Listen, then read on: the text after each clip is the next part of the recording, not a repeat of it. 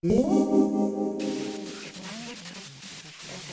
I, I'd like to stay here all day, but I gotta, I gotta go to Vegas. FBI. I feel it, though I. But I want to say one thing to the American people. I have a dream. Yes, velkommen til nok en sending med Globus her på Radio Revolt. Eh, Jeg heter Sigmund Grønli Bolme. Eh, Med meg i studio så har jeg Niklas Aatri og Helle Hamnevold. Og eh, som tekniker og også assistent eh, i dag så har jeg Anders Måsund alltid på plass. Eh, Dagens sending skal handle om eh, verdenshandel, og noen av oss har vært i Sverige. Så det er bare å følge med videre, så kan vi love et fantastisk show her på Globus i dag.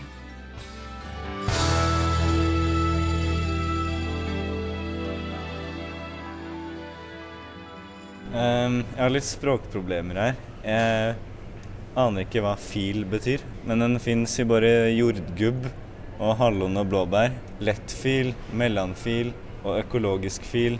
A-fil, fjellfil. Men hva er fil? Fil, er det, kan det være fløte? Det går jo ikke an. Skal vi kjøpe en bare for å finne ut? Hvor mye koster de? Den billigste er lett A-fil. En fil med acidophilus. Høres ut som en kjønnssykdom.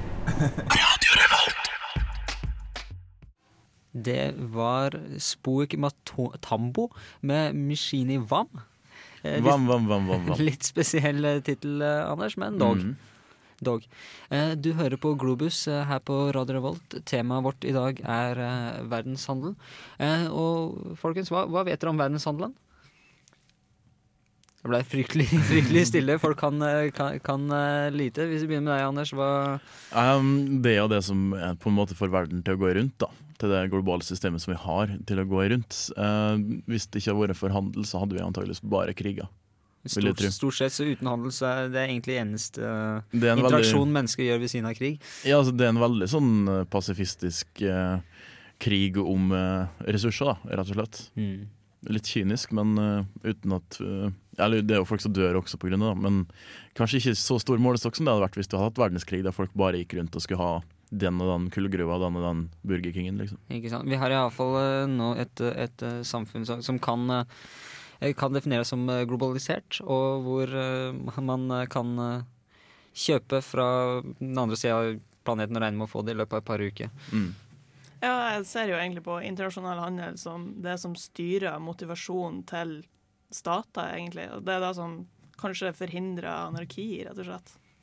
Eh, Så den internasjonale handelen er det som holder verdenssystemet sammen. Ja, det kan man eh, på en måte si, da. At det, det er det som gjør at andre stater har interesse i hverandre.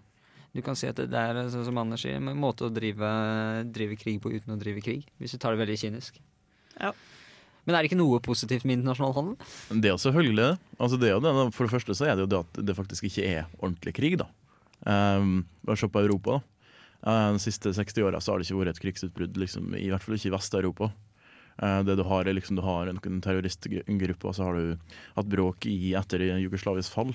Og stort sett eh, utenom det så har det jo vært ganske stilt. Du har hatt en torskekrig mellom England og Island, liksom. Det var jo egentlig ikke en krig, det var mer en Nei. handelskrig. Det en en- handelskrig igjen. Ikke Eh, sant? Det, det blir jo det nærmeste å komme ut. da. Eh, og mye av det er nok fordi at vi har eh, fått veldig mange instanser som har liksom skubba ned alt det vi har i gamle tollbarrierer.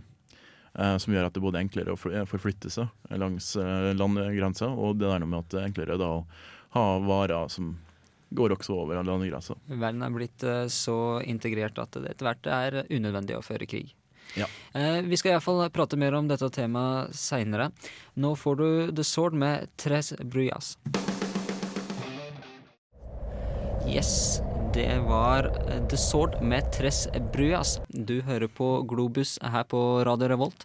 Eh, vi har om verdenshandel i dag, og selv om handelen etter hvert er blitt sånn at man kan bestille ting fra, fra det store utlandet, altså fra store avstander og frakte, frakte store mengder varer over store avstander, så er det fortsatt sånn at mesteparten, av handelen mellom land, det er mellom naboland. Eh, særlig og her i Norge så har vi kjempegodt eksempel på det. Det er mange som drar på svensketur.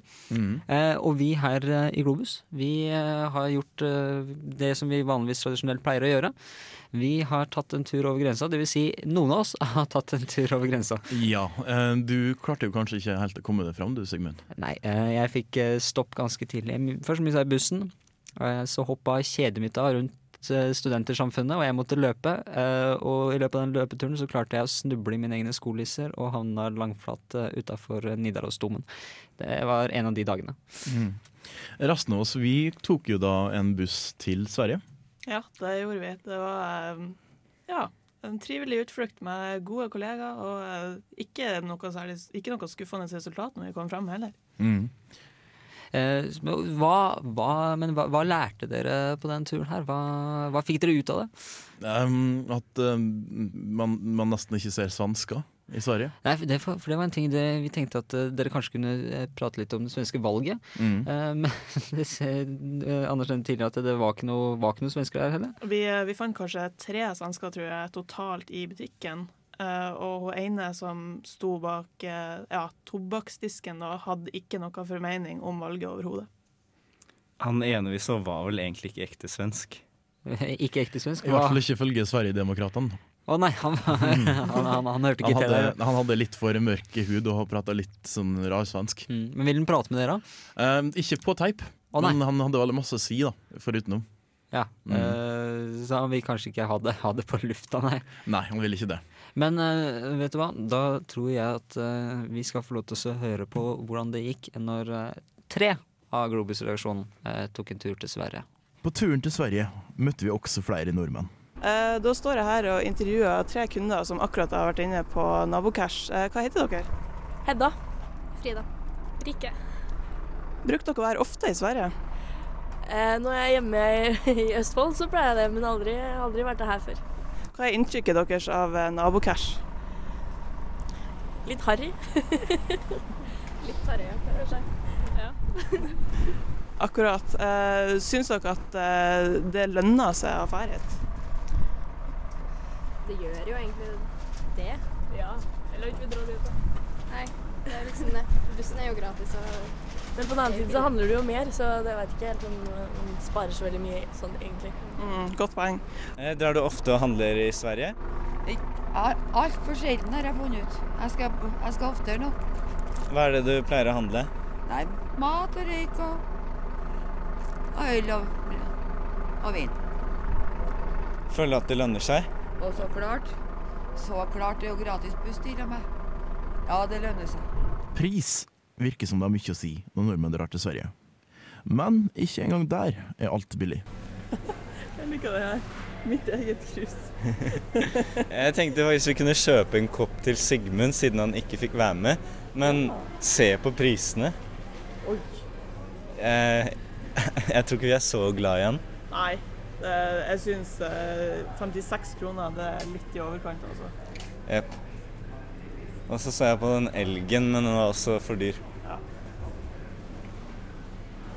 Vi vurderte å kjøpe gave til Sigmund, Ja, det må vi jo nesten gjøre, da. men vi er ikke så glad i han.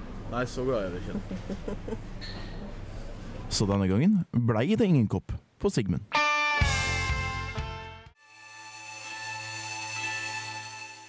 Det var eh, tog med rent mel i posen. Uh, uttalte jeg det riktig, Anders? Ja, tog, tog, tøg Ja. Eh, uansett, jeg kjenner at jeg er litt, litt kanskje småirritert. Mest skuffa, eh, tror jeg det er. Eh, Niklas, du er åpenbart ikke veldig glad i meg. Det, ikke du heller, heller. Jeg beklager, Sigmund, men det var ikke noe gaver i vår prisklasse. Jeg syns at dere kunne påkasta deres en liten Harry, altså. Jeg tror det cruiset som vi så på, det var, jeg tror ikke det har vært helt din smak. Det var rosa Comic Sans, og ja, det var gult og det var grønt, så nei. Kanskje like greit at dere ikke kjøpte noe. Men, men hvordan var turen generelt? Var det vellykka, syns du? Ja. eh, det var liksom helt, det var en helt grei Sverigetur. Mm. Du satt på en buss, du satt, satt på bussen, du hørte på musikk, gikk av bussen. Så på alle de rare menneskene? Ja, det var ikke så veldig mange rare mennesker. da. Å, nei, det var det ganske var- lite mennesker som generelt Ja, generelt lite mennesker. Men Jeg hadde forventa at det skulle være ganske fullt. Mm. Du hører så mye om harrytur og at eh, folk strømmer over grensene. Jeg tror, eh, altså jeg hadde en helt opplevelse når jeg for til Storlien. Der var det faktisk full buss. Eh, Så jeg vet ikke helt hva som er dealen med nabokasje, egentlig. Hvorfor så få sett på bussen. Er det dårligere buss, eller? Nei, det var en fin buss. Ja. Merkelig. Eh, men de menneskene som var på handletur, da. Var, var, var, det, var det fullt av stereotyper, eller var det mer sånn som Det var vel ikke så veldig mange stereotyper der, da. Eh, det, det, var jo, det, var jo, litt studenter, og så var det litt uh, ganske vanlige folk, da. Veldig sånn salte i jorda, kan du si. Stereotypene var så få at vi kan egentlig ikke snakke om det på radio. Nei, det var, det var for lite egentlig å ta tak i. For da blir det tydelig hvem det er, ja. ja. ja. Eh, det er iallfall sånn at eh, Sverige nesten flommes over av nordmenn eh, hvert eneste år, som skal ha flesk og røyk og Tobakk og Tobakk generelt, og, og, vin. Ikke minst vin og sprit. Vin og sprit og øl. Hva var det dere fikk med dere? Jeg kjøpte blant annet skinka. Jeg kjøpte mm. litt fetaost. Og ja, jeg kjøpte bacon og knekkebrød som dessverre datt ut i bussen, som jeg ikke fikk med meg hjem. Var det noe som hadde med noe farlig? Noe som du kunne bli fortolla av? Um, nei, ikke noe mer enn det vi tok inn, dessverre. Ble det stoppa? Nei. Ikke? Ikke den gangen Så det rett over, altså? Mm. Det ble stoppa en gang før, da. Det skal vi høre om litt seinere. Mm. Hjertet banka jo selvfølgelig litt fortere når vi kjører forbi tollstasjonen, men det gikk bra denne gangen òg. Ja. det er bra. Eh, vi skal iallfall høre litt mer i dybden eh, hva Nei, det skal vi ikke. Vi skal få lov til å høre på The Radio Department, The New Improved Hypocrisy. Det var The Radio Department med The New Improved Hypocrisy. Eh, du hører på Globus her på Radio Revolt. Vi har om verdenshandel. Det er temaet vårt i dag. Eh, I går var det i går? Forgårs, på mandag, så var tre av mine medarbeidere i Sverige på en liten harrytur. Uh, og folkens, hva er det dere tror uh, trekker så mange mennesker til Sverige hvert eneste år? Over grensene? Jeg tror egentlig det er rett og slett iallfall illusjonen om at det er billigere. Jeg har jo prøvd å sammenligne litt priser på matvarer på Rema f.eks. og på Storlien, og egentlig så er ikke forskjellen så veldig stor. Er det noen kroner, eller hva? Ja, det kommer litt an på hva slags type vare du kjøper. Sånn så Forskjellen på kjøttdeig har jo egentlig vært ganske stor. Jeg syns kvaliteten på kjøttdeig er bedre i Sverige generelt. Så, så, så, det er ikke sånn at norsk nødvendigvis er best? Eh, ikke nødvendigvis, nei. I de fleste tilfeller, f.eks. kylling. Det er veldig mye salt og vann i kyllingen i Sverige. Eh, det er bedre å rett og slett bare bruke litt mer penger og kjøpe det i Norge istedenfor. Ja, okay. Det skal også sies da at hvis du da kjøper sånne varer som er veldig avgiftstynga i Norge, da, så da blir det plutselig litt eh, billigere. F.eks. av tobakk og alkohol. Ja, Så når du skal, skal ut og kose deg litt, så kan det lønne seg å ta turen til Sverige. Det kan det nok. Det er kanskje det som virkelig, virkelig trekker mennesker. Eh, hvordan syns du du-turen gikk for seg, Niklas? Fikk du med deg noe? Um, litt. Jeg sovna på bussen. Så den gikk veldig fort, heldigvis. Det er litt deilig. Ja. Um, ellers, det var ikke så mye å se der. Det var veldig øde. Det var denne lagerbygningen som fungerte som matbutikk, og så var det et hus litt borti horisonten. Så de har stort sett uh, lagd, en, uh, lagd om et lagerbygning til matbutikk nesten utelukkende for at nordmenn skal kunne komme over og kjøpe til svenske priser? Det medfører nok riktighet. Ja. Eh, vi skal iallfall få lov til å høre litt på hva de eh, tre heldige svenske farerne våre fikk kjøpt med seg hjem eh, til Norge nå. Yep, da er vi på vei hjem fra Sverige. Og Anders, hva har du kjøpt? Uh, jeg har kjøpt litt uh, forskjellig. Jeg har kjøpt litt uh, øl og korv. Og så har jeg kjøpt juice. Og så har jeg kjøpt blekksprut. Og så har jeg kjøpt tobakk og litt krydder og sånne ting. da og noe kjøtt. Um, det var litt vanskelig å finne uh, internasjonale varer, da, selv om vi nå er i et EU-land. Nærmest det kom, var vel at vi fant en, noe kjøtt, noe bacon fra Tyskland eller et eller annet sånt, tror jeg. Tysk kylling? Ja, tysk kylling. Um, som er litt sånn det, det, er litt sånn rart. Man skulle tro at det var masse mer sånn østeuropeisk kjøtt, f.eks. Men det var det ikke. Jeg har kjøpt eh, knekkebrød. Jeg har kjøpt skinka. Og jeg har kjøpt sunn snacks, så jeg håper jo eh, på et skikkelig fint kveldsmåltid i kveld. Jeg har kjøpt én flaske med juice. Yay. Det var, da fikk du altså høre hva medarbeiderne mine fikk med seg hjem eh, fra Sverige. Jeg syns ikke det var den største fangsten eh, som de kunne ha fått. Eh, her har du i alle fall røyksopp med The Fair på Radio Revolt. Du hører på Globus fortsatt. Yes, det var Røyksopp med The Fair. Du hører på Globus her på Radio Revolt. Eh, vi har om internasjonal handel. I den anledning så har eh, mine venner, eh, eller ka kanskje ikke så veldig mye mine venner nå lenger, men eh, mine tidligere venner har vært, vært i Sverige, der de nekta å kjøpe noe til meg. Fremdeles bitter for den rosa koppen. Fremdeles litt bitter for den rosa koppen. Eh, men jeg syns ikke dere kom, kom hjem med så mye heller, da. Sånn alt i alt. Nei, altså vanligvis så bruker jeg å kjøpe for en rundt 500 kroner når jeg er der, men det var litt sånn mangel på grunnleggende ting som gjorde at jeg ikke kom hjem med den største fangsten. De hadde bare dusteøl, og så hadde de ikke sjokobananer. Så de hadde ikke ordentlig øl til deg, Niklas? Nei. Altså Niklas han, han dro jo dit eh, fordi at han ville ha billige sjokobananer. Det var jo det som var Niklas' store eh, intensjon, så han ble veldig skuffa over at han ikke fant noen sjokobananer. Litt av problemet med denne nabokæresta er at, eller generelt svenskehandel når man drar over grensa fra Trondheim, er at du må forhåndsbestille alkohol tre dager i forveien, og det hadde jo selvfølgelig ikke vi anledning til. Nei, Så det var ikke noe systembolag der, altså? Nei, det er på Storlien, uh, og de kjører innom der ved behov. Mm. Og det er jo sånn at det på Storlien, det er samme greia på Storlien også. Eh, alkoholen, altså Systembolaget er jo da i Åre, som er en sånn skiby der ja, folk møtes for å feste og stå på ski og bryte opp eh, svenske kongehus og sånne ting. da. Så det, det er liksom en sånn, ja, litt sånn en liten, liten skiby. da, Skiresort midt oppi, oppi fjellheimen. Kanskje like greit at jeg ikke, ikke kom meg med, for jeg klarte egentlig ikke å forestille meg at jeg ville ha, ha noe annet enn uh, en alkohol uh, borte i Sverige. Uh, men sånn, sånn nå er jo, skal jeg ikke mobbe svenskene for mye, men det er jo et fattigere land enn Norge. Jeg tror den svenske handelen har innvirkning på den svenske økonomien? Tja, altså mm, Alt i alt så kanskje det har en liten positiv innvirkning, da. Men den er ganske liten sånn egentlig. Og den er ganske Altså det er veldig lite som Norge taper på den handelen, vil jeg tro. Egentlig. Eh, for det fleste foregår jo i Norge. Altså. Det er ikke sånn at vi handler i Sverige liksom hver gang vi trenger noe. Nei, det er mer sånn tur, en tur folk tar. Av og til. Mm.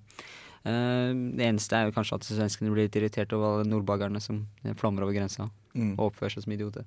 Det syns jeg de fortjener. Um, ja, jeg vet ikke om du har vært i Oslo de siste årene, men det er ikke det samme lenger. På grunn av alle svenskene? Vil du ha ut innvandrere, Niklas? Er det det jeg hører? Um, bare de feil innvandrerne. De med blondt hår. ok. ok.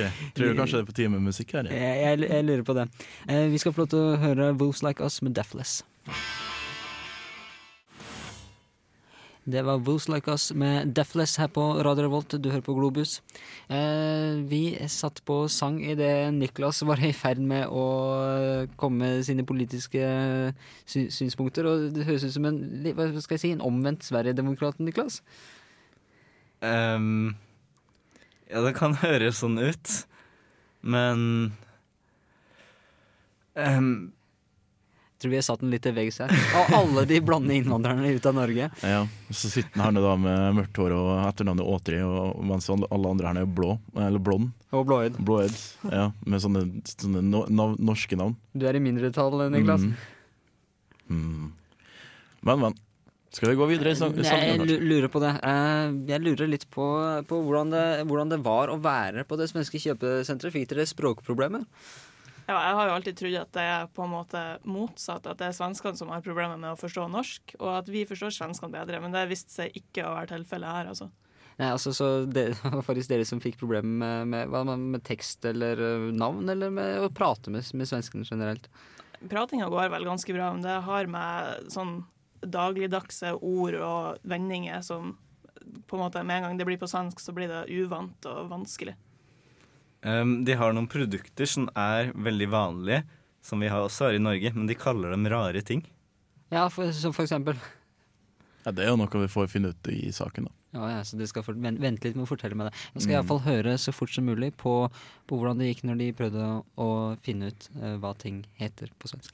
Vi skal jo ta med lytterne på en eksotisk reise til Sverige. Ja. Hvor i Sverige er vi? Vi er Storvallen heter. Storvallen, er det heter. Ok. Og det her er jo da Ah!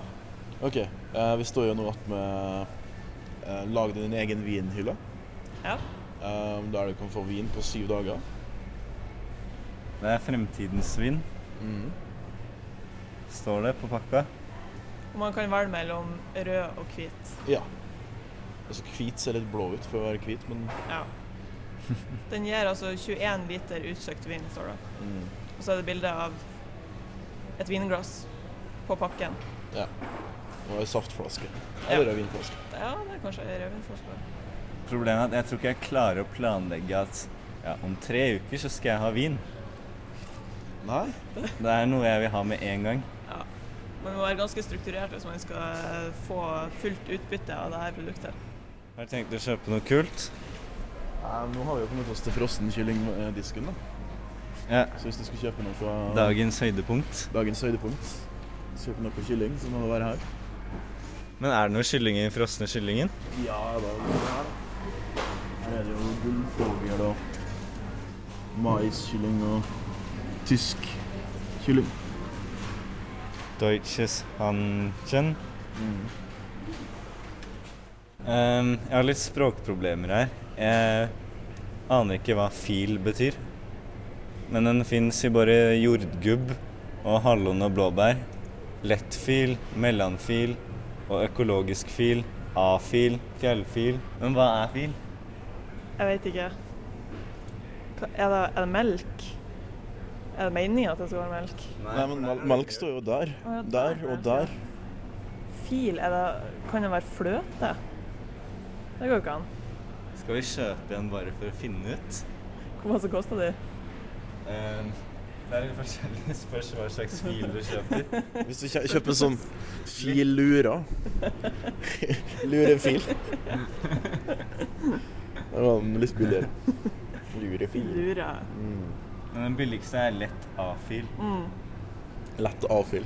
Det er litt noe helt annet. En fil med acidophilus. Høres ut som en kjønnssykdom. Ja, dere hørte her uh, Bed Athletes med Subatomic Sound System. Dere hører på Globus her på Radio Revolt. Nå setter vi over til neste låt, og det er Crying Lightning med Arctic Monkeys. Det var Arctic Monkeys med Crying Lightning. Eh, nå er det sånn at det er eh, tidligere vært utsendt folk fra Globus til Sverige før, og eh, i 2008 så var sist gang eh, vi var der. Så nå skal vi få lov til å høre litt på hvordan det gikk forrige gang Sverige var eh, i Globus. Et lite klipp fra arkivet.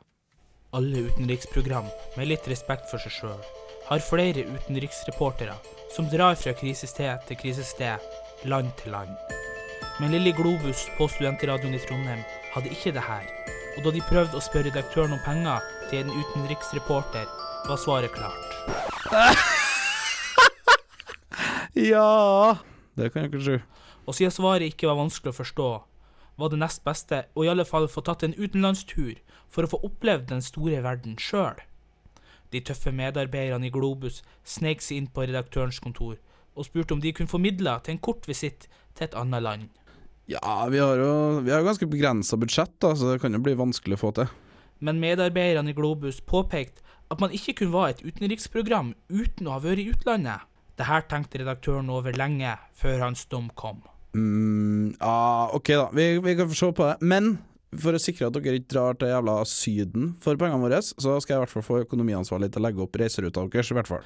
Og dermed hoppa Globus-medarbeiderne rundt i ring mens de ropte og hoia, og var lykkelige som 18-åringer med nøklene til foreldrenes bil. Det gikk noen dager, og plutselig lå det en konvolutt i hylla til programmet.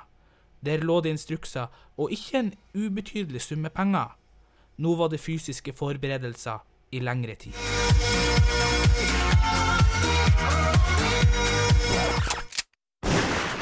Før man endelig kunne slå av den jævla musikken og faktisk dra ut i den store verden.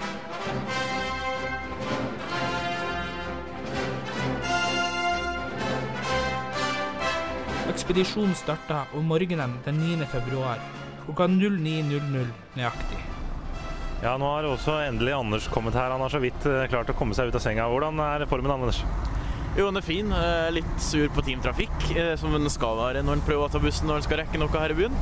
Nesten for sein, men akkurat i tide, gikk Globus-medarbeiderne om bord i en buss som sto nederst i Munkegata. På utsida sto det Torleivs bussreise, og billettprisen var på hele 25 kroner per hode. Medarbeiderne var lykkelige og spent på hva de skulle oppleve, og tenkte at nå skulle de få dra helt til Sverige.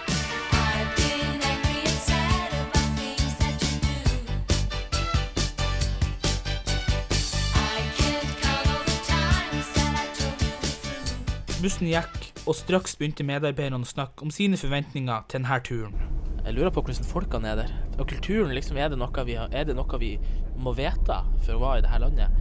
Sånn her, Er det sånn ikke gå med tøfler inn i kirke, eller altså, hva er det for noe som er greia her? Jeg tror de kun snakker et, sitt eget språk, da. Jeg tror ikke de forstår norsk der borte, så du blir nødt til å snakke svensk.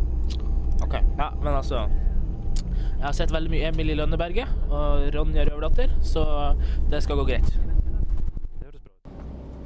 Eh, nå er vi kommet ca. halvveis på vår eh, store ferd her. Og eh, hvordan føles det? Er det en lang tur, det her? Vi har nå vært underveis i snart en time, så jeg vil nok føle at vi har reist veldig langt. Eh, tidligere har du vært på en tur som har vært så lang. Nei, det, det er virkelig en veldig lang reise. Det, det er ikke noe man gjennomfører mer enn én en gang i livet, vil jeg påstå. Eh, men eh, hva vil du si til de som eh, kunne tenkt seg å gjøre denne turen sjøl? Er det noe du har erfart i løpet av denne siste timen om ting du må ha med deg, osv.? Det er viktig å ha språkkunnskapene på plass. Man treffer jo mange fremmede mennesker. Og det er selvfølgelig viktig å være i god form.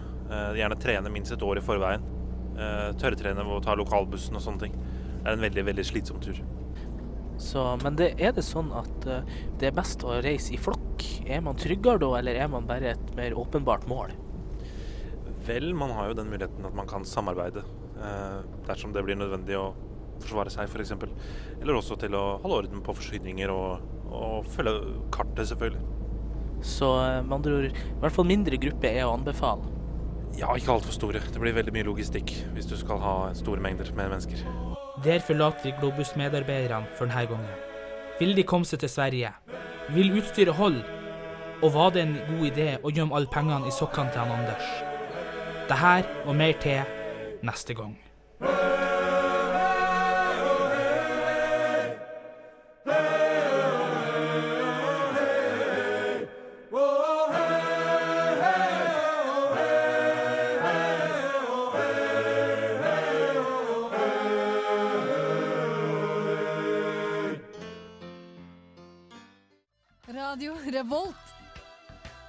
Det var en gang tre Globus-medarbeidere som ville til Sverige for å se det store utland. Og endelig hadde kommet seg over den norsk-svenske grensa og var inne på svensk jord. Turen gikk videre, og etter bare ti minutter svingte bussen inn og stoppa. Da var vi endelig kommet ut fra sikkerheten fra bussen. Hvordan føles det å stå på et annet jords land? Jeg vil fremdeles presisere at vi bør holde buddysystemet, altså. Jeg tror kanskje du mente et annet lands jord, Trond? Et annet lands jord, ja. Men hvordan føles det? Er det annerledes å være i et annet land? Det, det, det kjennes litt rart. Altså, det er jo et veldig goldt og øde landskap. Jeg kjenner det mye kaldere her. Så jeg tror kanskje det har noe med at det er en mye mindre varme i folket her. da. Nå skal vi jo inn og utforske det lokale eh, Jeg tror de kaller det et marked. Habitat? Ja, Vi skal se hva det er lokalbefolkningen lever av, rett og slett. Men, eh, ja, men jeg tror det er best vi kommer oss innendørs, for det er jævlig kaldt her. Ja, nå har vi vært og undersøkt eh, det lokale markedet. Eh, Det ser ut til at eh, vareutvalget faktisk er slående likt det man finner i Norge. Ja, det var faktisk utrolig likt, hvis du spør meg. Og tatt i betraktning at Sverige jo er et land av den tredje verden, så skulle man jo trodd at prisene var mye lavere enn i Norge. Men overraskende nok så var det ganske mange like priser. Eh, tingen er at vi må tenke på at dette er svenske priser, altså det er svenske kroner, uh, og ikke norske. Og da blir kanskje prisen litt annerledes. Jeg prøver f.eks. for eksempel å regne ut, uh, uten å være noe særlig flink på det, og ikke vite kronekursen, hvor mye ja, en 20-pakning, eller sånn, ja, pakkepakning med røyk hadde kosta. Mm. Sist jeg undersøkte, så tror jeg kursen lå på en sånn 90 kroner, 90 svenske kroner per 100 norske, men det kan være at den er lavere eller høyere nå. Etter å ha utforska det lokale markedet i lengre tid, og også kjøpt adskillige poser med diverse til eget forbruk, oppsøkte de en av lokalbefolkningen som tilfeldigvis jobba på markedet. De spurte han om det var ofte han hadde sett nordmenn før. Ja, det er mest norska där bara. Videre spurte de om hva nordmenn kjøpte hvis de kom innom det lokale markedet. Ja, det er mye kykling og flesk og lesk og sånt. Det er mest sånn tobakk og Etter dette fortsatte de ekspedisjonen, og etter ei stund kom de tilbake til bussen, hvor de spurte bussjåføren om det var ofte bussen gikk over grensa. Ja, vi kjører mandag ettermiddag. To turer tirsdag.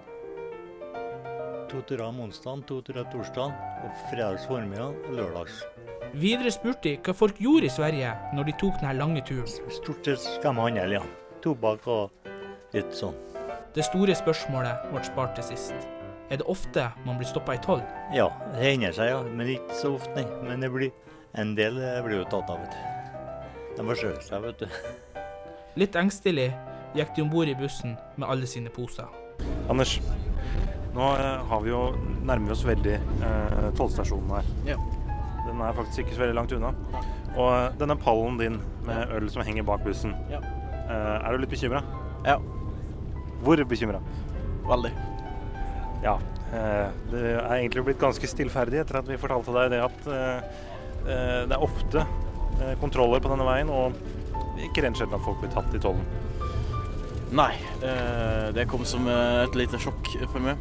Jeg var ikke klar over at vi Ja, at det var tollstasjon her en gang. Men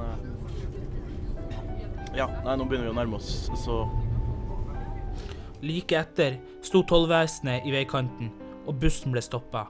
Og en tollbetjent kom om bord og fortalte hva som kunne forventes. Blir det funnet noe på kroppen på dere, så blir dere automatisk anmeldt for det. Har dere det i posene, så får dere et forelegg. En anmeldelse vil si at da mister du det resten du har handla, da har du ikke rett på å ha med deg noe kvote. Får du et forelegg, så får du med deg kvota di. Men har du noe på deg, så gjør du det bevisst. Du prøver å smugle bevisst. Og da blir du automatisk anmeldt til politiet, og du havner i bøteregisteret. Globus-medarbeiderne ble ført ut av bussen og stilt opp på rekke sammen med alle de andre ulykkelige som hadde tatt bussen. Hva som skjedde etter det på her punktet, er det bare ytterst få som vet, og ingen har vært interessert i å fortelle hva som skjedde. Medarbeiderne kom til slutt tilbake til Trondheim by, og laga fremdeles Globus på studentradioen i Trondheim. Men utenlandsturen var en opplevelse de neppe kommer til å glemme.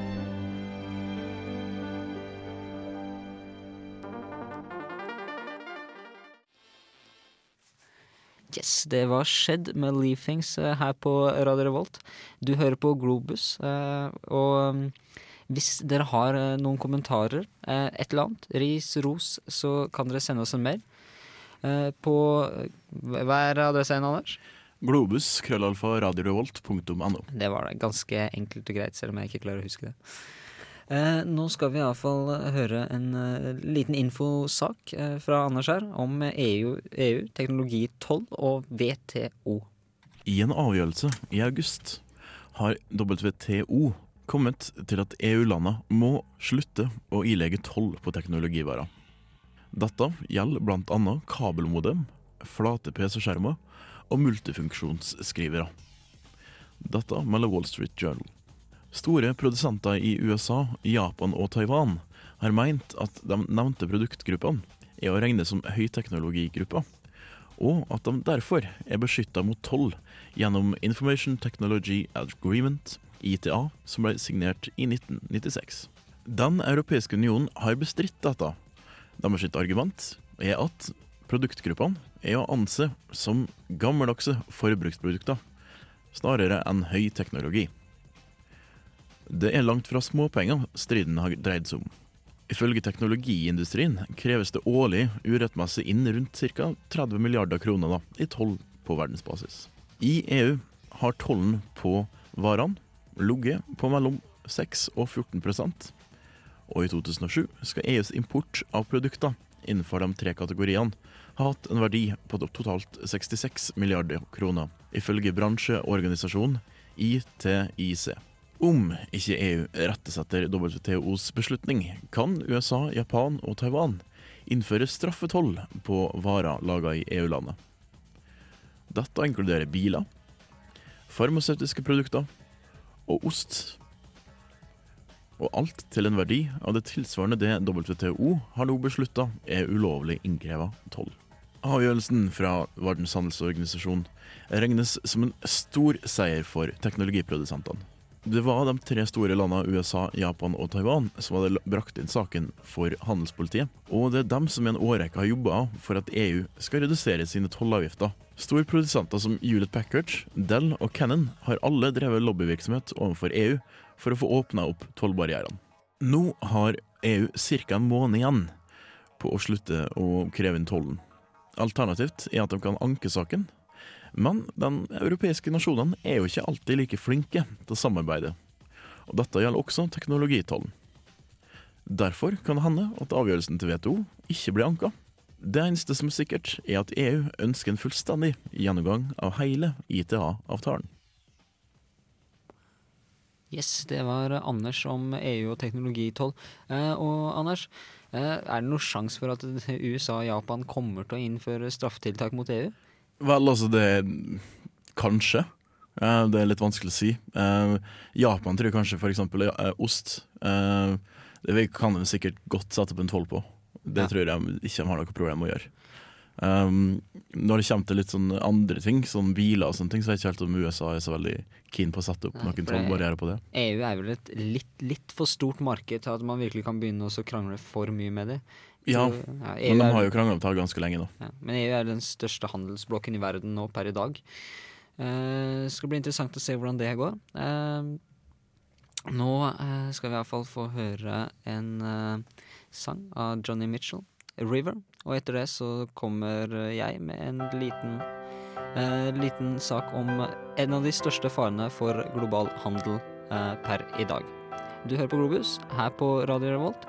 Johnny Mitchell med 'River', altså.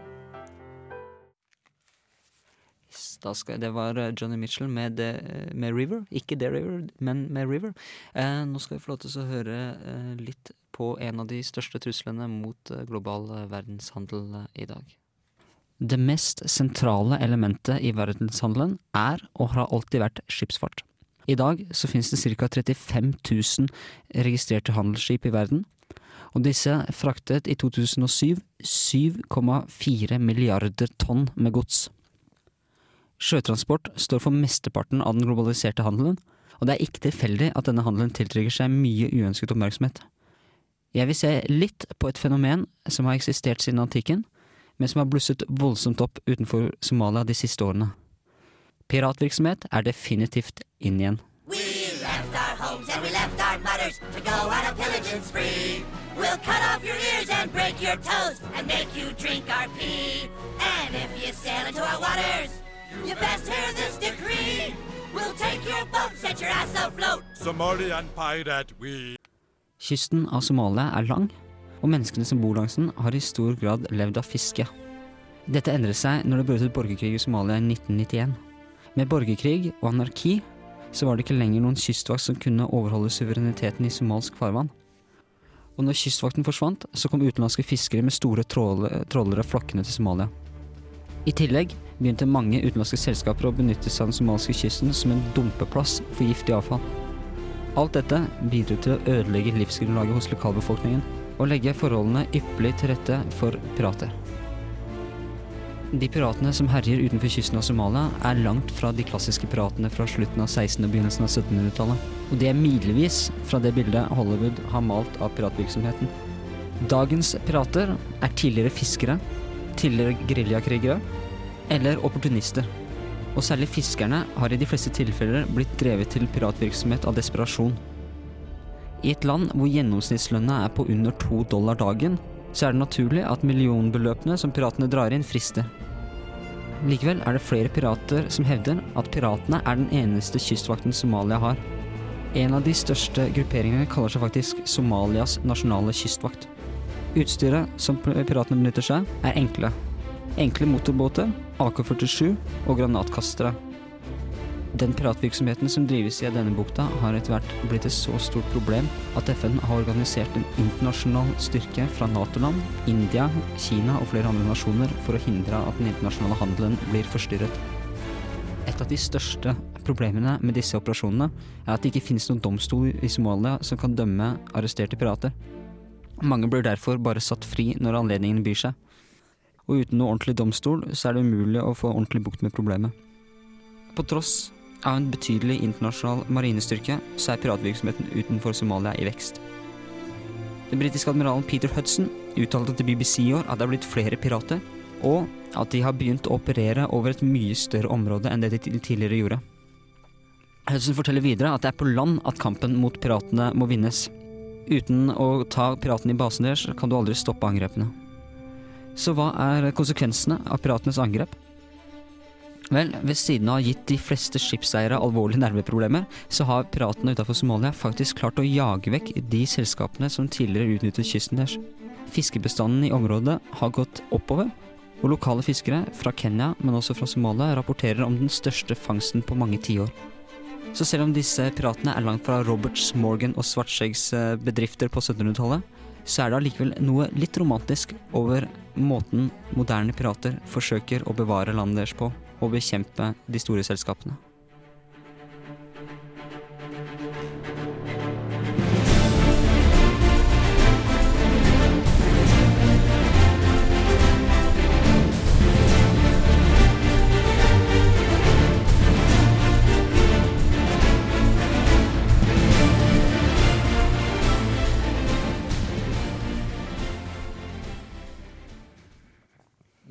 Altså Sigmund sin sak om eh, piratvirksomhet i Somalia. Jarr, har, har, and ho, ho, ho. Nå skal vi ut og kjøre lettbåt. Kjøre, kjøre lett båt. Litt annerledes enn de store seilskutene som, eh, eh, som de hadde på 1600- og 1700-tallet. Men eh, som jeg så i saken, så er det noe fortsatt litt grann romantisk med, med somalske pirater også. Og måten de, eh, de eh, slåss for å holde kysten sin rein. Da. Men vet du noe om hva de bruker eventuelt løsepenger og andre inntekter de har på? Ja, så, så kommer vi til det, da. For det er vel stort sett eh, på, Langs den somaliske kysten så er piratene blitt eh, eh, altså millionærer. De er, de er blitt virkelige de store gutta, og de kjører i Ferrarier. Eh, de bor i store hus, har flatskjermer og lever det gode liv på alle mulige måter. Så det er ikke noe Robin Hood-virksomhet? Nei, det er ikke noe Robin Hood-virksomhet, men når de bruker så mye penger, så bruker de det, disse pengene i lokalmiljøet. Så det mange sier, er at eh, lokalmiljøene og de store altså piratbyene da, eh, som har vokst opp der, har blitt eh, såkalte boomtowns. Altså det er blitt byer som er i kraftig vekst, og, og flere folk har fått, eh, fått det bra pga. de voldsomme eh, inntektene som piratene har, og som de bruker i disse byene. Eh, Eh, blir det litt sånn som f.eks. sigøynerpalassene i Romania? da? At du har mer sånne lovløse byer der du har veldig mange store, fine hus, og så har du veldig lite stat og sånne ting. Ja, altså det, det, kan, det kan du godt si. Og mm, det er jo folk i disse byene som er veldig kritiske til piratene. For du har en uh, gjeng godt bevæpna mennesker som, som ikke har noe problem med å utføre kriminalitet. Uh, og da, da vil du nødvendigvis få de problemene det medfører seg. Det finnes jo lite politistyrker, og iallfall ikke noen politistyrker som er villige til å ta, de, uh, ta, ta, ta den saken her. Men, men alt i alt så virker det faktisk som om piratene har et positivt bidrag eh, til lokalsamfunnene eh, som, de, eh, som, de, som, de, altså som de bor i, og som, hvor de bruker pengene sine. Eh, nå skal vi gå litt videre i sendinga. Eh, vi skal høre på eh, Dungeon, som har låta Ti og stilla. Fairtrade er en internasjonal merkeordning som jobber for rettferdig handel mellom råvareprodusenter i det globale sør og importører i nord. Fairtrade-merket garanterer at produsenten av varen oppnår en rettferdig pris. Dette innebærer at det betales en minimumspris, uavhengig av markedsprisen på råvarene, som skal dekke kostnadene av bærekraftig produksjon, og et pristillegg som skal gå til sosiale utviklingsprosjekter. Siden den første Fairtrade-garantietiketten ble lansert på meksikansk kaffe i 1988, har mange typer Fairtrade-produkter kommet på markedet. Dette består hovedsakelig av landbruksprodukter, som i stor grad dyrkes av småbønder, men også flere industriprodukter er på vei inn i systemet.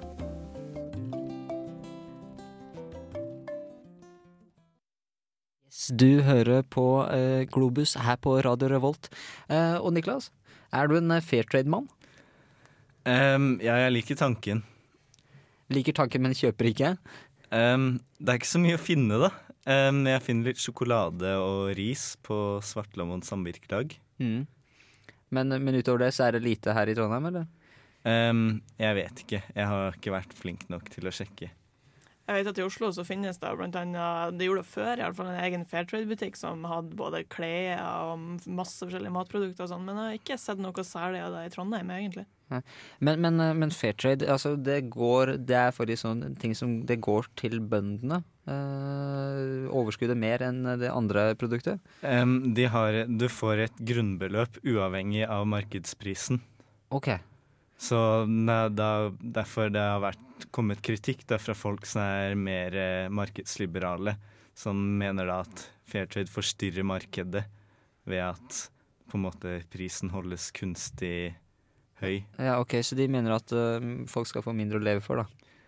Um, de mener at da ville det liksom gått seg til, for da ville um, kaffebonden funnet ut at oi, jeg kan ikke leve av kaffe, og så hadde han liksom funnet på noe mer eh, levedyktig. no, noe annet hadde gått å finne seg en annen jobb. Ja. Yes. Men rett og slett sånn uh, lasses fair, altså så la det skure eh, økonomisk politikk, da. Yes. Fullstendig lesesfære. Eh, vi skal iallfall gå videre. Nå får vi eh, Blond Redhead med 'Not Getting There'.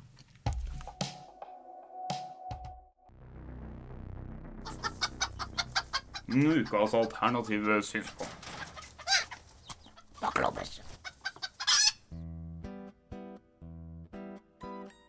Har du noen gang blitt oppgitt over å ikke finne chili i grønnsaksdisken på din lokale matvarebutikk? Da har jeg. I dag forventer de fleste av oss at dagligvarebutikker skal ha et variert og eksotisk utvalg. Men hvor ofte tenker vi over hva dette egentlig innebærer? En svært stor andel av verdens CO2-utslipp kommer fra transport av nettopp mat. Konserveringsmidler og andre tilsetningsstoffer blir mer og mer utbredt for å øke holdbarheten til mat som fraktes over store avstander. Som en motreaksjon til den industrialiserte matproduksjonen oppstod den såkalte slow food-bevegelsen. Dette internasjonale initiativet ble først tatt av italieneren Carlo Petrini i 1986. Og siden har den spredt seg til 132 land, deriblant Norge. Som vi skjønner av navnet, representerer slow food en motpol til de store hurtigmatkjedene. Medlemmene ønsker å fremme kvalitet framfor kvantitet, og samtidig rette fokus mot de negative sidene ved kommersialisert matproduksjon. De anser det som verdifullt å satse på lokalprodusert mat, og samtidig bevare lokale håndverksteknikker og mattradisjoner. Visste du f.eks. at Levanger i Nord-Trøndelag er en såkalt slow city? I tillegg til å ha fokus på bærekraftig matproduksjon, vektlegger slow food-bevegelsen det gode samværet oss mennesker imellom. Medlemmene er forkjempere for retten til glede og nytelse i sammenheng med god, ren og rettferdig mat. Det rettes også fokus mot nettverksbygging, i den forstand at aktørene som formidler mat, burde samarbeide for å komme fram til de beste løsningene i fellesskap. Slow food-bevegelsen framstår altså som et slags alternativ til kapitalisme og masseproduksjon. Dette klinger kanskje fint i norske ører, men det finnes åpenbare baksider ved ideologien. Den økologiske, tradisjonelle maten som promoteres, er dessverre ikke tilgjengelig for alle. Eksklusiv mat betyr ofte dyr mat. Foregangspersoner innen slow food har blitt anklaga for å praktisere en viss dobbeltmoral når det kommer til miljøvennlighet, da de er avhengig av flytransport for å delta på internasjonale seminarer og arrangementer. På tross av kritikken fungerer slow food-bevegelsen som bevisstgjører på problemstillinger vi kanskje ikke tenker over til vanlig. Kanskje vil du tenke deg om to ganger neste gang du legger belgiske gulrøtter eller italiensk kylling i handlekurven. Det var eh, Helle Hamnevold om slow eh, food. Eh, og Helle, er du en fan av, av, av å holde produksjonen lokal? Ja, altså I utgangspunktet så er jeg det, men det er jo ikke sånn at jeg har lyst til å klare meg uten alle de såkalte eksotiske matvarene jeg bruker til vanlig. Nei, for det, altså, Hvis vi skulle klart oss uten å importere mat, så hadde det blitt ganske skralt her oppe i Norge, tror jeg. Det hadde blitt fisk, egentlig. Fisk stort sett, ja. Mm. Eh, Det skal også sies at det er jo eh, en bakside med det med kortreist mat i det hele tatt. da. Og det at det er jo den, eh, det vi kan kalle den eh, der nå for gevinsten er kanskje ikke så stor som den blir snakka om. Og det går på at eh, når du da har kortreist mat, så har du da også mindre kvanta av mat. Noe som da fører til at eh, du da kjører Selv om det ikke er lange distanser, så er det fremdeles at du kjører veldig mange busser og veldig mange, veldig mange eh, trailere og traktorer og alt mulig sånn der rundt omkring med maten. Ja, pluss Så- at, eh, ja, og matproduksjonen blir vel heller ikke den eh, så effektiv som den kan være når du skal produsere på den måten. Og så, ja. Um, faktisk så uh, Jeg leste i Klassekampen for en, ikke så lenge siden at uh, uh, småjordbruk er faktisk mer effektivt enn industrijordbruket. Eller de produserer mer, fordi industrijordbruket satser De tjener mer, men de satser på varer som da ikke produserer like mye biomasse eller energi, kalorier. Um, ja, uh, men en annen ting her nå også, det er liksom det der med økologisk landbruk. da. Det er veldig mye snakk om det. At det er sunnere. Uh, men det har jo da ikke blitt påvist at det er noe sunnere eller noe bedre enn det industrielle landbruket. da. Uh, man sier jo at det bare naturlige, naturlige ting som blir brukt da, i landbruket. Eh, altså økologisk landbruk, men det er fremdeles slik at de bruker f.eks. sprøytemidler og slik da. Det er bare at de er basert på naturlige ting, da, som planter og dyr og sånne ting. Men det er ikke så økologisk som man kanskje skulle forvente. Det er nok økologisk, men det er ikke nødvendigvis så sunt eller så sikkert eller så miljøvennlig. Ja. Eh, nå skal vi få lov til å høre på Deer Hunter med Revival her på Radio Revolt. Hør fortsatt på Globus, og fortsatt og fortsatt å høre på oss.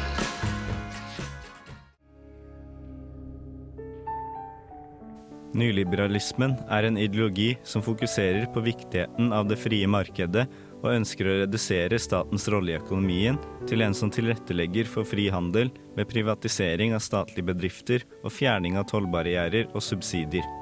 Nyliberalistiske teoretikere, slik som Milton Friedman og Friedrich von Hayek, mente at den ved hjelp av det frie marked og ren magi ville oppnå økonomisk vekst i de fattigere delene av verden. Dette mente det ville ha positive ringvirkninger for hele samfunnet, slik som avskoging, forurensning og arbeidsplasser for hele familien. For å illustrere sammenlignet man gjerne de åpne, vellykkede økonomiene i Øst-Asia med de lukkede økonomiene hos de slemme sosialistiske regimene i Latin-Amerika. Likevel var det nettopp i Latin-Amerika, under den kjente og folkeskjære diktatoren Augusto Pinochet, verden for første gang fikk se nyliberalistisk teori i praksis. Ledere i det globale nord, med Ronald Reagan og Margaret Thatcher i spissen, lot seg inspirere av Pinochets politikk og de positive effektene denne medførte, slik som økonomisk vekst, økt arbeidsløshet, lavere lønninger, reduksjon av velferd og økte forskjeller mellom rik og fattig. Mange fattige land opplevde store økonomiske problemer utover 80-tallet, bl.a. som følge av lån tatt opp på 60- og 70-tallet hos kommersielle banker for å finansiere infrastruktur og industriell utvikling. Flere land var på randen av økonomisk kollaps da nyliberalismen kom til unnsetning. Gjennom demokratiske organisasjoner som Verdensbanken, der de fem største landene har hver sin plass i styret, mens de 179 andre medlemslandene stemmer over de resterende 19 plassene, og Det internasjonale pengefondet, IMF, der USA i 2008 kun hadde 16,88 av stemmene, ble fattige land reddet ut av gjeldskrisen gjennom nye lån. Disse ble gitt på gode betingelser, såkalte strukturtilpasningsprogrammer, som skulle sikre at mottakerlandene gjennomførte tiltak for å spre nyliberalismen og bekjempe onde kommunistiske tiltak, slik som offentlig velferd og minstelønn. Hm. Programmene fungerte effektivt i fattige land, tross venstreradikale regjeringers forsøk på å etablere sosiale sikkerhetsnett for landets fattige. I Peru økte andelen fattige med hele 50% i løpet av bare fire måneder som følge av kutt og matsubsidier og nedbemanning i offentlig sektor. I Zimbabwe økte prisene på brød og sukker så mye at nesten ingen fattige hadde råd lenger, og innføring av egenandel i den offentlige helsesektoren gjorde at enda færre kvinner fødte barn. På sykehus, der livreddende behandling kunne vært gjennomført. Til tross for dette møter nyliberalismen stadig motstand fra kommunister og andre venstreradikale. Kanskje vi igjen bør se til Pinochet?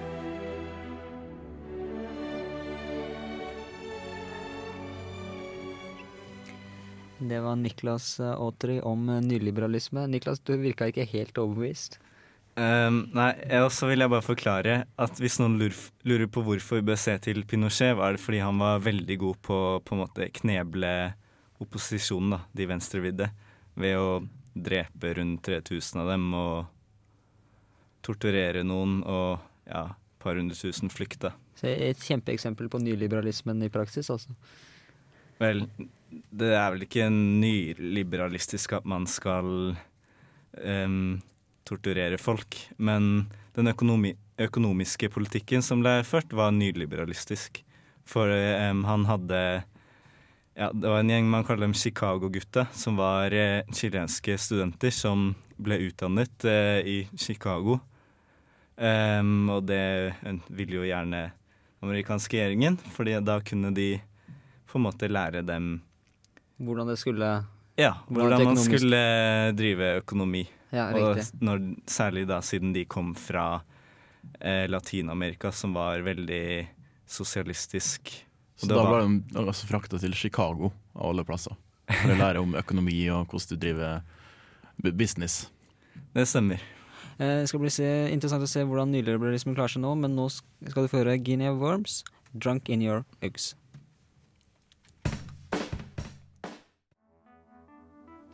Det var Guinea Worms med 'Drunk in Your Uggs'. Eh, Globus i dag er kommet eh, til veis ende. Med meg i studio så har jeg hatt Nicolas Sautry. Helle Hamnevold. Anders Småsund. Jeg heter Sigmund Grønli Bolme, tema i dag er verdenshandel. Eh, her har du The Flower Kings med den fantastiske låta 'Ghost of the Red Cloud'. Eh, og da gjenstår det bare å si takk for oss eh, her i Globus. Og så ser vi deg til neste gang. Ha det bra! Ha det. Ha det.